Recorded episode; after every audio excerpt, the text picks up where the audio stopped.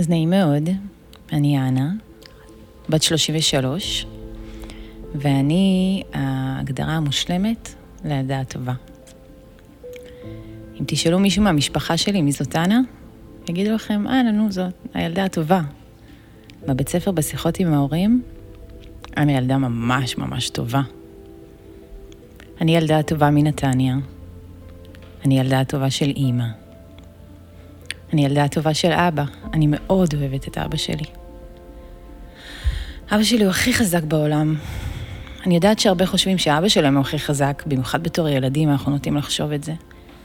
אבל אני מבטיחה לכם שאבא שלי הוא הכי חזק בעולם.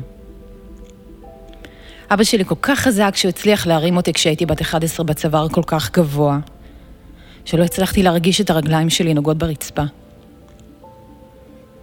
והכל כי קראתי לו לראשונה ואחרונה בחיי, חזיר שיכור. שלא תחשבו שאני אמיצה במיוחד, ההפך גמור מזה. אני ילדה טובה הרי. זאת הייתה הפעם הראשונה שפתחתי את הפה והרשיתי לעצמי להגיד את מה שאני חושבת.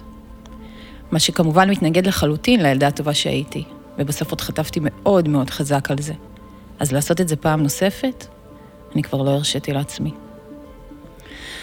אני ילדה טובה, אני ילדה ביישנית, הילדה של כן אימא, כן אבא, המנומסת, הלוחשת.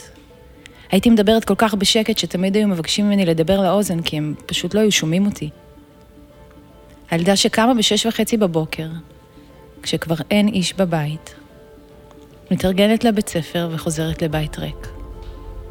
אמנם אני הקטנה במשפחה, אחותי ואחי גדולים ממני בהרבה ולא באמת היה לנו קשר טוב מעולם. הם גם מזמן לא גרים איתנו בבית, אז ההרגשה היא קצת כמו להיות ילדה יחידה. ויש הרבה מאוד אחריות כשאתה ילד יחיד בבית, גם אם זה לא באמת. אחרי שהייתי חוזרת מבית הספר, הייתי מכינה רשימת מטלות לאותו יום. פתקית קטנה כזאת, לכל חדר, עם מה שצריך לנקות בו. ידעתי שזה מאוד ישמח את אמא ואבא. בכיתה א' כבר הכרתי את כל סוגי התרסיסים הקיימים לכל סוגי המשטחים. הייתי מנקה הכל טוב טוב, אוכלת את ארוחת הצהריים שאמא בישלה אתמול בערב, עושה שיעורים מהר מהר מהר, כדי שאצליח לראות קצת טלוויזיה לפני שהם חוזרים. בערב, אמא שלי הייתה חוזרת מהעבודה, מתיישבת ליד החלון במטבח לעשן. היא הייתה בודקת את המטבח בזווית העין, ואני בראש התפללתי שהכל תקין ואני לא אצטרך לעשות את זה שוב. היא הייתה מספרת שבדיוק פגשה למטה איזו שכנה שיש לה ילדה בגילי. מספרת כמה שהיא מצליחה בלימודים, ואיזה מאורגנת ומטופחת ומהממת היא. ובסוף מסיימת ב... כדאי לך קצת ללמוד ממנה. כן, אמא. אם אבא שלי היה חוזר, מאוחר, אני כבר ידעתי שהערב הזה לא הולך להיות ערב רגוע. בשלב מסוים הייתי שומעת נביחות של הכלב, והייתי יודעת שכדאי שאני אהיה זאת שאפתח את הדלת. כשפתחתי לרוב הייתי מוצאת את אבא שלי שרוע על הרצפה, שיכור, לא מסוגל לעמוד על הרגליים, כמובן ניסיתי מהר מהר לעזור לו לקום ולהיכנס, אולי אמא לא תשמע שהוא הגיע, אבל אמא שלי כבר הייתה באמצע ריצה, מקללת, דוחפת. הוא היה מנסה להחזיר ואני באמצע לוחשת, מתחננת, תפסיקו. תדברי איתו, אמא שלי הייתה אומרת. רק לך הוא מקשיב. הוא לא היה מסוגל להקשיב. אני ילדה טובה של אבא, אבל אבא אלכוהוליסט. להיות ילדה להורה אלכוהולי זה למצוא בקבוקים ריקים במקומות גבוהים בסדר היומי שלי וללכת לזרוק ישר לזבל, בחוץ אבל, לא בבית. שאמא לא תשים לב כי אחרת יהיה פה עוד ריב. זה בחיים לא להביא חברה הביתה כדי שבטעות לא יראו אותו ככה. ואם כבר את הולכת אליה, לחברה היחידה דרך אגב שהייתה לי עד כיתה ו', זה לדעת שכנראה עוד חצי שעה, שעה, תקבלי טלפון מאימא, שאת צריכה לחזור הביתה הכי מהר שאת יכולה, ואת יודעת שהיא התקשרה כדי שאני אגיע לעמוד חוצץ ביניהם. כי אני הילדה הטובה של האבא. להיות ילדה להורה אלכוהולי זה להתחנן מאימא שלך בגיל עשר שהתגרשו. לחשוב איזה כיף יהיה לי אם יחיו בנפרד. גם מקבל פעמיים מתנה ביום הולדת, וגם כל אחד יעשה מה שהוא רוצה, בלי לריב יותר מדי. אבל הכי חשוב, הכי חשוב, זה לעשות הכל, אבל הכל כדי שאני לא אהיה עוד בעיה בבית. יש לי מספיק דאגות על הראש, אמא שלי הייתה אומרת. אז הייתי מורידה את הראש. לא קל להיות הילדה הטובה. לא התלוננתי על שום דבר אף פעם. לא שיתפתי בדברים קשים שעברו עליי בבית ספר. למדתי כדי להוציא את המאיות שהם ציפו ממני, הייתי המטווחת בבית, הייתי הרוח שמתחבאת בחדר כדי לא להפריע, הייתי מה שהם רצו שאני אהיה. גם בבית ספר תמיד הייתי הילדה הטובה, הילדה השקטה. לא רציתי בעיות, פחדתי שידברו עם ההורים שלי. בנות מסוימות קלטו את זה, שאני טרף קל. במשך תקופה בכיתה ו' הן היו מחכות לי אחרי הבית ספר. דוחפות, נותנות סטירות, משפילות, מקללות, אומרות לי איזה מסכנה אני. לעולם לא הגבתי. ילדה טובה לא רבה מכות, היא לא מדברת או מחזירה. תמיד הורדתי את הראש. הייתי מפחד לצאת למכולת, רצה הכי מהר שאני יכולה הביתה כדי שהם לא הספיקו להגיע. באחת מאותם הפעמים, כשהדמעות זולגות, בזמן שאני על הרצפה, אני זוכרת שהסתכלתי עליהם מלמטה. דמיינתי איך אני מעיפה אותם, מחזירה להם על כל מה שהם עשו. באותו יום, לראשונה בחיי, החלטתי לשתף את אימא שלי. לספר משהו אישי שקרה לי, דרש ממני המון אומץ. במיוחד בגלל שזה היה משהו רע, ואני יודע, הרי ידועה בתור אחת שלא מביאה שום דבר רע הביתה. הייתה לי תקווה גדולה שאקבל חיבוק חם ואוהב, שהיא כבר תטפל בהכל, אבל היא נתנה לי משימה. כל פעם שזה קורה, שאספור עד עשר, אקום, ארים את הסנטר ואמשיך ללכת. הן כבר לאט לאט יוותרו.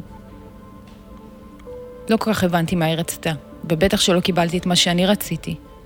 אבל אני עד היום חושבת שזאת הייתה אחת המשימות הטובות ביותר שקיבלתי ממנה.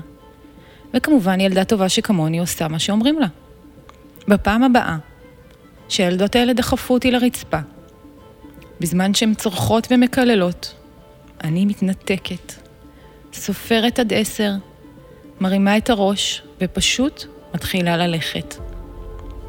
הן ניסו לדחוף, לצעוק, אבל אני פשוט המשכתי ללכת. פעם, פעמיים, שלוש, והן באמת ויתרו. אני הרגשתי לראשונה בחיי שאני שלטתי במצב. נכון שבדמיון שלי אני מחזירה להם בחזרה, מפילה אותם כמו גדולה מנצחת. אבל במציאות ניצחתי אותם קצת אחרת. עמדתי במשימה. אחרי אותו מקרה החלטתי שאני יכולה לעשות הכל, אם רק אספור עד עשר. וכך עשיתי. בחטיבה אימא שלי נתנה לי עוד משימה. היא אמרה כבר שהמצב הכלכלי ממש לא טוב, והגיע הזמן שאמצא עבודה. היא נתנה לי כסף לנסיעה ודרשה שאחזור עם עבודה.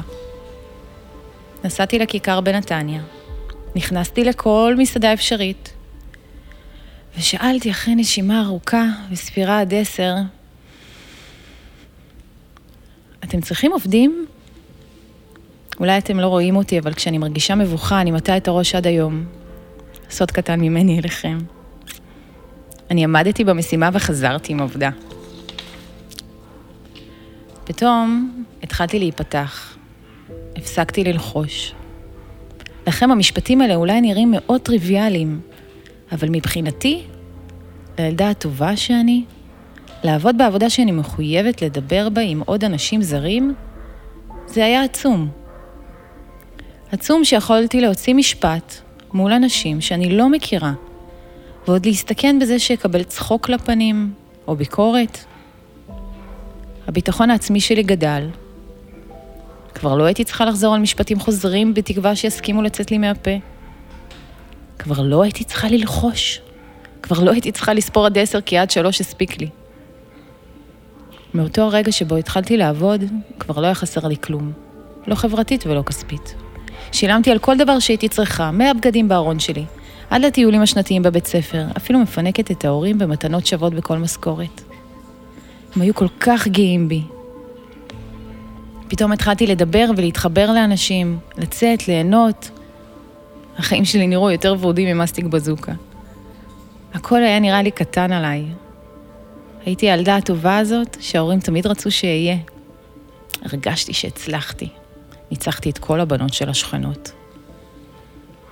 ועם כל הטוב הזה, בגיל 17, החלטתי שאני עולה שלב. והגיע הזמן שאעשה רישיון ואקנה רכב. חשבתי כמה גאווה אני אביא הביתה. ילדה בת 17, עם רכב, שהיא קנתה עוד מהכסף שלה, הייתי מקבלת אחלה טיפים.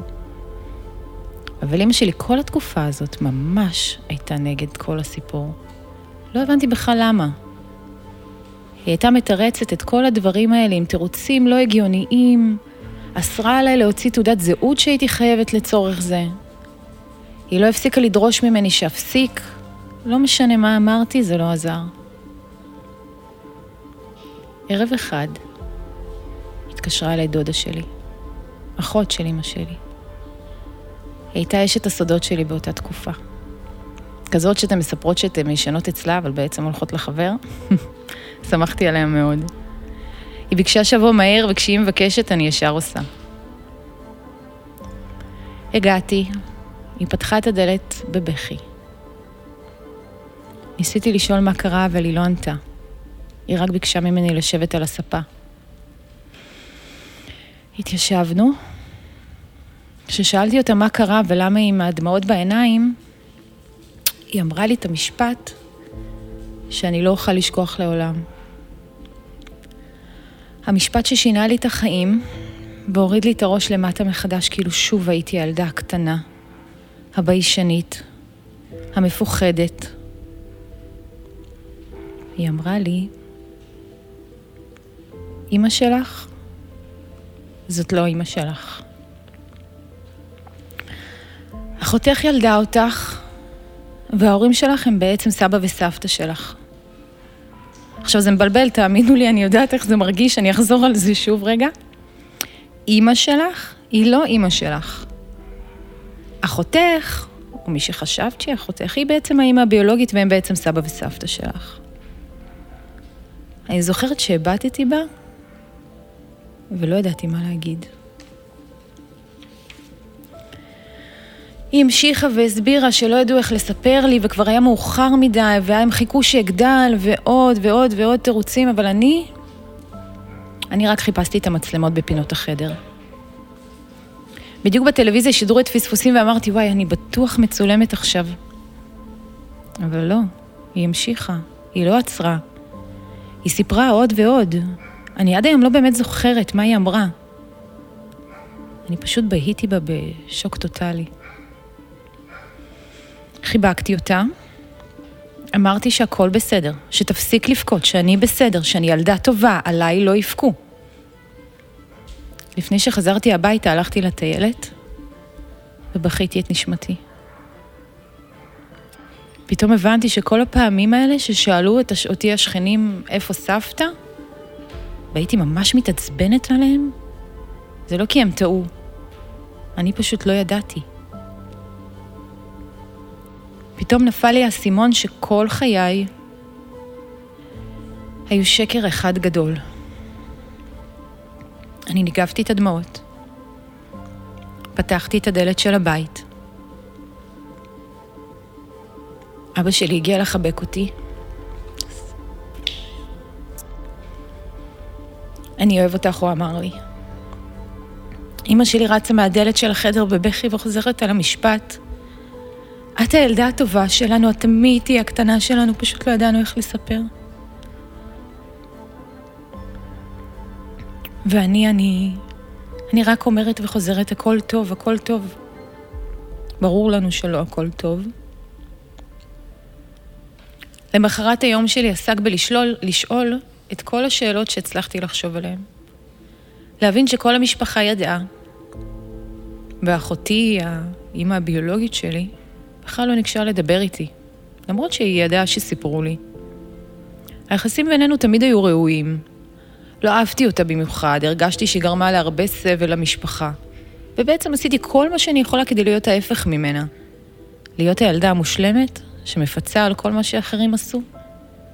שמסבה אושר להורים? אבל ציפיתי לפחות הפעם שתיגש אליי, שתסביר לי. לא מספיק לי לדעת שהיא ילדה אותי כשמלאו לו 17. שילדה בגילה מן הסתם לא מוכנה לגדל ילדה אחרת. לא רציתי לתרץ בשבילה. אבל רציתי שהיא תגיד לי. שהיא תגיד לי שהיא מצטערת, שהיא הייתה רק ילדה, שהיא ניסתה וניסתה וניסתה וזה פשוט היה גדול עליה. ניסיתי להיזכר מתי הפעם האחרונה דיברתי איתה. בחיים לא ישבנו ביחד או עשינו משהו. הפעם הראשונה שנפגשנו, מאז אותה התגלות, היה שבועיים לאחר מכן, ממש במקרה. הייתי בדרך לעבודה ועמדתי ברמזור אדום. קלטתי אותה מעבר לחצייה, למעבר חצייה. עמדתי מולי, עומדת מולי, מחכה שהרמזור יתחלף. הכמה שניות האלה נראו לי כמו נצח. לדבר, לא לדבר, להסתכל עליה, לא להסתכל, לחתוך לצד השני, מה אני עושה? הלכתי הכי מהר שאפשר ברגע שהרמזור התחלף, והיא עצרה אותי עם היד ודחפה לי שטר בין האצבעות. לפחות תקחי את זה, היא אמרה לי. הייתי כל כך בהלם. אני עד היום לא זוכרת אם החזרתי לה או השארתי לעצמי. אני כן זוכרת שהצלחתי להרים את הראש ופשוט המשכתי ללכת.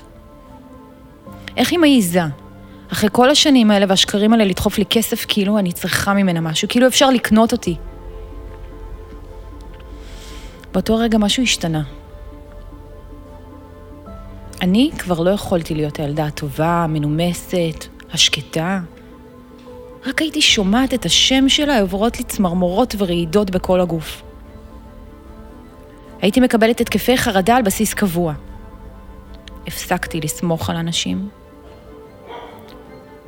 הרגשתי שכל מה שבניתי בשנים האחרונות הולך לפח. שאני לא באמת מסוגלת לעמוד בציפיות של כולם, זה גדול עליי. לא משנה איזה מציאות אני אנסה לייצר לעצמי, לא משנה כמה אנסה להיות הכי טובה מכולם, העבר תמיד יהיה איתי, הוא ימשיך להוריד אותי למטה. ואני כבר לא יכולה להיות יותר האנה טובה, האנה מושלמת. לא אכפת לי מכלום. לא מהציונים, לא ממה שההורים חושבים עליי, לא מהחברים, ברים, אלכוהול, כל משמרת. דיכאון, התפרצויות ללא הפסקה. אבא שלי קרא לי משוגעת. אימא שלי אמרה לי שהיא מאוכזבת. יום אחד, באחת המשמרות, ישבתי עם המנהלת שלי בחוץ על הספסל, והיא סיפרה לי על ארוחת השישי האחרונה שהייתה לה. על הצחוקים, על הביחד, על הבן זוג שלה. פתאום עברה לי המחשבה הזאת שלי לא יהיה את זה. הבנתי שיש לי בעיה. לקח לי קרוב לשנתיים עד שהבנתי באיזה ארץ, ארץ עצמי אני נמצאת. עד שהבנתי שאני מתחילה להתנהג בדיוק כמו המשפחה שלי. התחלתי להרגיש שאני אותה אלכוהוליסטית אלימה, שלא שמה קצוץ על האנשים סביבה. אני לא אוכל לקיים מערכת יחסים נורמלית כי אני לא סומכת על אף אחד. אני לא אוכל לבנות לעצמי את העתיד המקצועי שלי כי אני לא מצליחה להחזיק פתאום שום דבר לאורך זמן. החלטתי שמאותו יום אני מרימה את הראש. אבל אני אהיה אנה אחרת. רק שלא ידעתי בדיוק מי זאת אנה. התחלתי לכתוב מי זאת אנה. מי אנה רוצה להיות? מה אנה מקווה להשיג? איך העולם של אנה היה נראה אילו יכלה לקבל כל מה שהיא רק רצתה? עשיתי אפילו רשימה של הבן זוג המושלם בשבילי. במקום הראשון רשמתי שתהיה לו משפחה אוהבת שארגיש כאילו אני חלק ממנה, למרות התיק שהגיע יחד איתי. וכן, במקום השני כמובן שיהיה חתיך ושחור, מה נעשה? זה פשוט חייב. הרשימה הזאת הייתה מונחת לי מול העיניים ימים ולילות. ועשיתי רק את הדברים שרשומים שם ויביאו לי את מה שאני רוצה. הפסקתי. הפסקתי להיות הילדה הטובה של כולם. הפסקתי לרצות אחרים. הפסקתי לתת הסברים להורים, והעזתי להגיד שלא טוב לי כשלא היה לי טוב. אבל בעיקר הפסקתי לצפות. הפסקתי לצפות מעצמי להיות מה שאחרים רצו שאני אהיה. עם הזמן העזתי להיות עם הביולוגית שלי באותו חדר. בהמשך אפילו התחלתי להגיד לה שלום מתוך נימוס ולשאול לשלומה. והיום אני ממש יכולה לאכול ארוחת ערב כשהיא לוקחת חלק ממנה, ובאמת באמת להתעניין בה. לא כי אני מצפה ממנה למשהו, אלא כי בחרתי לי הורים, שגם בחרו בי, והיא הבת שלהם, היא לא תלך לשום מקום. אין טעם לכעוס על בחירות וטעויות של אחרים שלא בשליטתי. העזתי גם להגיד לאימא שלי שאם היא לא תפחית את הביקורת כלפיי, אני אפסיק להתקשר. כי אני ילדה טובה גם אם אני לא הרואת חשבון שהיא רצתה שאהיה, או שאין לי את העקבים הגבוהים על הרגליים והאודם על השפתיים. העזתי להגיד לאבא שלי שכשאנחנו מגיעים ביום שבת, אם אני אראה כי שתה, אנחנו ישר נצא חזרה הביתה. כי אני בוחרת איפה להיות. הפסקתי לפחד. מאז לעולם לא שיקרתי. תשאלו את חמותי כשהיא שואלת אותי איך משהו חדש נראה עליה, אני תמיד אגיד את האמת. ותאמינו לי, הייתי שקרנית מעולה, ממש. היום אני לא מצליחה לשקר. יותר מזה, אם מישהו משקר לי, מבחינתי זה כמו בגידה. אני לא מבינה את הצורך לשקר. אני דעתנית כי יש לי קול וכולם ישמעו אותי. אני כועסת כי זה בסדר לכעוס וזה בסדר להתפייס, ואני לא מפחדת מזה. אני לא מפחדת שיפילו אותי, כי אני אדע להרים את הראש ולחשב מסלול מחדש. אני עשיתי את זה כבר כל כך הרבה פעמים. אני לא מפחדת מביקורות של אחרים. כל עוד אני עומדת ברשימה שלי, לא מעניין אותי מה אחרים יגידו. אז אני לא הילדה הטובה של כולם. אבל אני טובה לעצמי, אני שלמה עם עצמי, אני שלמה עם הבחירות שלי, עם הגבולות שלי, עם הדרך שלי, לעולם לא יורידו אותי או יקטינו אותי. מאז אותו יום, בו הרשימה שלי התגשמה, אני כל הזמן מכינה רשימות. כל לילה אני רושמת קודם כל תודה על מה שהיה לי באותו יום, ואחר כך מה אני רוצה שיקרה. אבל אני רושמת את זה בביטחון מלא, לא הלוואי, אלא כאילו זה כבר קרה. גם ביום עמוס אני אגיד בלב. אבא שלי, זיכרונו לברכה, נפטר כלפני שנתיים וחצי. היום אחרי העבודה הענקית שעשיתי, אני מבינה שהחיים היו גדולים עליו. הוא לא הצליח להפסיק לשתות, למרות שבאמת באמת ניסה כל כך הרבה פעמים. זאת הרשימה שלו, היא לא שלי. אני מאוד אוהבת אותו. אני מודה לו על כל הדברים שהוא כן עשה בשבילי. בסופו של דבר, הוא ואימא שלי הצילו לי את החיים. הלוואי והייתי מסוגלת לעזור לו, אבל אי אפשר, כל אחד אחראי על הבחירות של עצמו, על הרשימות שלו. יש גבול כזה בחיים, שברגע שעוברים אותו, אף אחד לא יכול לעזור לך. אם לא אתה, תקום ותעשה משהו בעצמך. אני הייתי שם, אני יודעת. אז נכון, ממש רציתי להישאר הילדה הטובה מהרשימה הראשונה. הילדה הטובה, הלוחשת. אבל היום יש לי רשימה אחרת. את הרשימה של אנה, ואנה לא סותמת את הפה, ורשימה חזקה מאוד וברורה מאוד והיא מספיק טובה לי, וזה מה שבאמת חשוב. אז נעים מאוד. אני אנה. בת זוג לרון, השחום החתיך. מאיירת ומורה לעיצוב, ואימא לשלוש בנות חזקות. אני עוזרת להן לבדו, לבנות את הרשימה שלהן. הן לא ילדות טובות, הן לא שקטות, ממש לא. הן שובבות ורגישות וצעקניות ודעתניות והן מיוחדות ושונות זו מזו. ואני בחרתי בהן, בכל אחת ואחת מהן. הן נמצאות אצלי ברשימה. אני רק יכולה לקוות שאצליח להיות תמיד שם בשבילן, ולכבד את מי שיבחרו להיות, כדי שגם אני, יום אחד, אכנס מבחירה לרשימה שלהם. החיים של כולנו הם בחירה שלנו.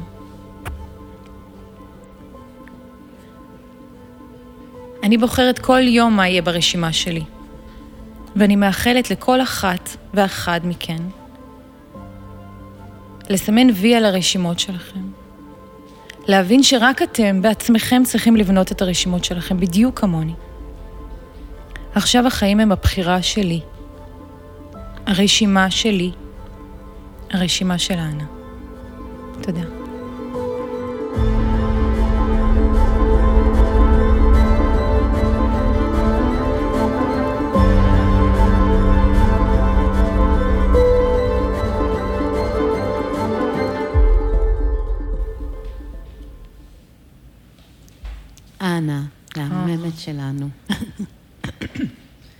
כל פעם מחדש מתרגשת לשמוע אותך, אה, והסיפור שלך הוא כל כך כל כך חשוב, אה, כי הוא באמת לא שגרתי.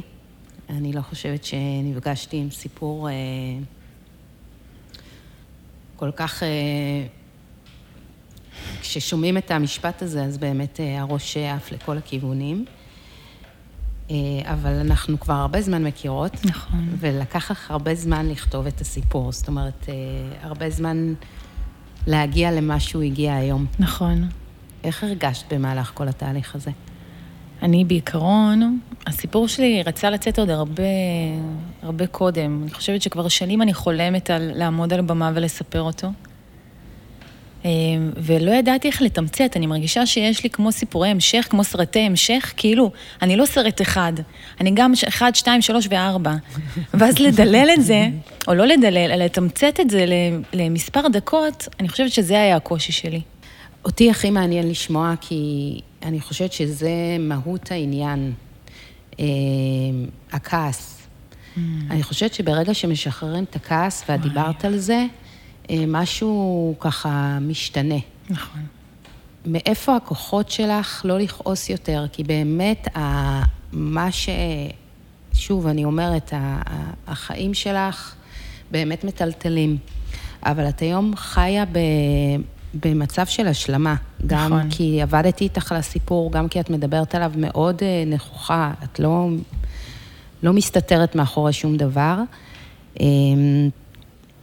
מה, איפה, איך את יכולה להמליץ למישהי שנמצאת היום במקום שהיא עדיין כועסת? אה, איך לקחת את זה למקום אחר? איך להפסיק לכעוס? וואי, זה... אני חושבת שזה אחד הדברים הכי קשים אה, שיש. אני... אני בעצמי חושבת שלקח לי המון המון זמן. זה נכון שעשיתי את השינוי אחרי שנתיים, אבל הכעסים שלי היו מילדות. אה, הבום הוא, הוא פשוט אה, לקח כשנתיים, אבל אני פשוט... יש נקודה כזאת שצריך לקחת החלטה. של להגיד קשה לי ורע לי וכועס לי ואחרים ואחרים וזה, וזה, שהסביבה משפיעה עלינו, זאת הנקודה היום שאני, גם היום דרך אגב, אם יש לי משהו כזה, שאני עוצרת את עצמי מכל מה שהיה לי באותו יום, מכל הכעסים שלי, מזה, ופשוט לדעת רגע לעשות איזה חשבון עם עצמך של מה עושה לי טוב. אוקיי, אז הוא מכעיס אותי, וזה עשה לי עכשיו דבר מאוד מאוד נורא, ו... אמ, ולא יודעת, ואימא שלי התקשרה אליי בטלפון ואמרה משהו לא בסדר על החינוך של הילדים שלי, זה קורה כל כך הרבה פעמים, עד mm. היום דרך אגב. אה, וזה בסדר, כאילו פעם הייתי כועסת אליה, אבל היום, להבין שאני לא שולטת, זה הקושי, להבין שאני לא שולטת על מה שיש לאחרים, אבל אני כן יכולה לשלוט על מה שקורה איתי, מהמם. זה הדבר הכי חשוב שיש. וזה לא קל. נכון. זה נורא קל להגיד נכון. את זה, אבל זה לא קל. אבל זה, מי שבאמת רוצה, יזכיר לעצמו את זה כל פעם. כל פעם שהוא כועס, הוא רגע, אה, רגע, אני כועס. אני חושבת שגם זה משהו שיכול לקדם אותנו בחיים, כי הרבה פעמים הכעס משאיר אותנו באותה נקודה. אה, ומשאיר אותנו במקום, והשחרור מהכעס הזה הוא דווקא זה שמוביל אותנו להמשיך ולהתעסק באמת, כמו שאמרת, בחיים שלך, בחיים נכון. של אנה. נכון. הבנות שלך מכירות את הסיפור? לא, עוד לא. יש לי שלוש בנות קטנות, אחת ממש תינוקת, ואני מרגישה שזה עוד לא הזמן, כי זה לא שלהן. נכון שכאילו זה של אימא שלהן, אבל זה... לא מרגישה שאני מסתירה משהו. לצורך העניין, אני קוראת ל... ל... לבן של הביולוגית שלי, אח שלי. כן. והן לא מבינות למה. אוקיי. אבל אני לא עושה כרגע סיפור, אני לא חושבת שזה הזמן, וכשיגיע הזמן, כזה עבודת שורשים כזה, אז נעשה. את זה, כן. איך את קוראת לאימא היום אימא? לא. לאימא שלי, שאת גידלה אותי, לא, הביולוגית. לסבתא. את קוראת אימא? אימא, תמיד. אני גם- מגיל שלושה חודשים איתם. אוקיי. אז אני לא מכירה משהו אחר, הם באמת ההורים שלי. אין לי... אין, אין לי מישהו אחר, זאת אומרת, זה, זה הם. האהבה וה, וכל מה שקורה עם הורים, אני מניחה, של מישהו אחר, ככה זה אני עם ההורים שלי. אוקיי. אמ, מה העצה הכי טובה שאת יכולה לתת למישהי שמגלה היום סוד מאוד מאוד אה, מטלטל. שנמצאת אה, במצב שלך היום, כשאת היית בו לפני כמה וכמה שנים? כן. יש לך איזושהי עצת זהב שאת יכולה וואי, להעניק? אני לא יודעת אם זה זהב, כן, אל תקחו אותי במילה, אבל uh, אני חושבת שזה בסדר ליפול, זאת אחת העצות, בכלל החיים שלנו, זה בסדר ליפול, לתת לעצמך ליפול, ואם תמצאי גם ידיים מחבקות חמות ברקע, אז קחי את זה. כל עוד את מבינה שהנפילה הזאת זמנית. כל עוד את יודעת שאחרי שנפלת והרגשת הכי רע שבעולם, יהיה טוב. תקבעי לעצמך את הזמן לנפילה, זה בסדר, כולנו נופלים, כולנו מקבלים חדשות רעות, סוד גדול, וזה לא את, את לא אשמה. מהמם. אנוש, תודה רבה רבה על זה בכיף. ששיתפת אותנו. תודה, תודה שאני כאן, תודה לך. ותודה לכן, לכל מי שהאזינה ולכל מי שהאזין, ולקח ממנו מהסיפור של אנה המון דברים שאפשר באמת לקחת לחיים, ובהחלט פרופורציות. אה, תודה רבה לנדב מבית סינופסות. שאירח אותנו כאן, אה, וכל מי שמעוניין, מעוניינת אה, לספר את הסיפור שלו וככה להבין יותר על הפרויקט, מוזמן להיכנס כמובן למתגלות בקהילה ישראל, באתר הפייסבוק שלנו וגם באינסטגרם. שיהיה לכם המשך יום נפלא וקסום, ותמשיכו ותתחילו אולי לעשות רשימות, שאולי אולי יתגשמו בסוף. בטוח. תודה רבה, בטוח. אמן. תודה, נו. תודה. וגם את, אם האזנת לנו, והתחלת לחשוב שאולי גם לך יש סיפור, אני מבטיחה לך שיש לך כזה, ואת יותר ממוזמנת לפנות אליי למייל שנמצא בתיאור הפרק. תודה רבה לכולם, ונשתמע.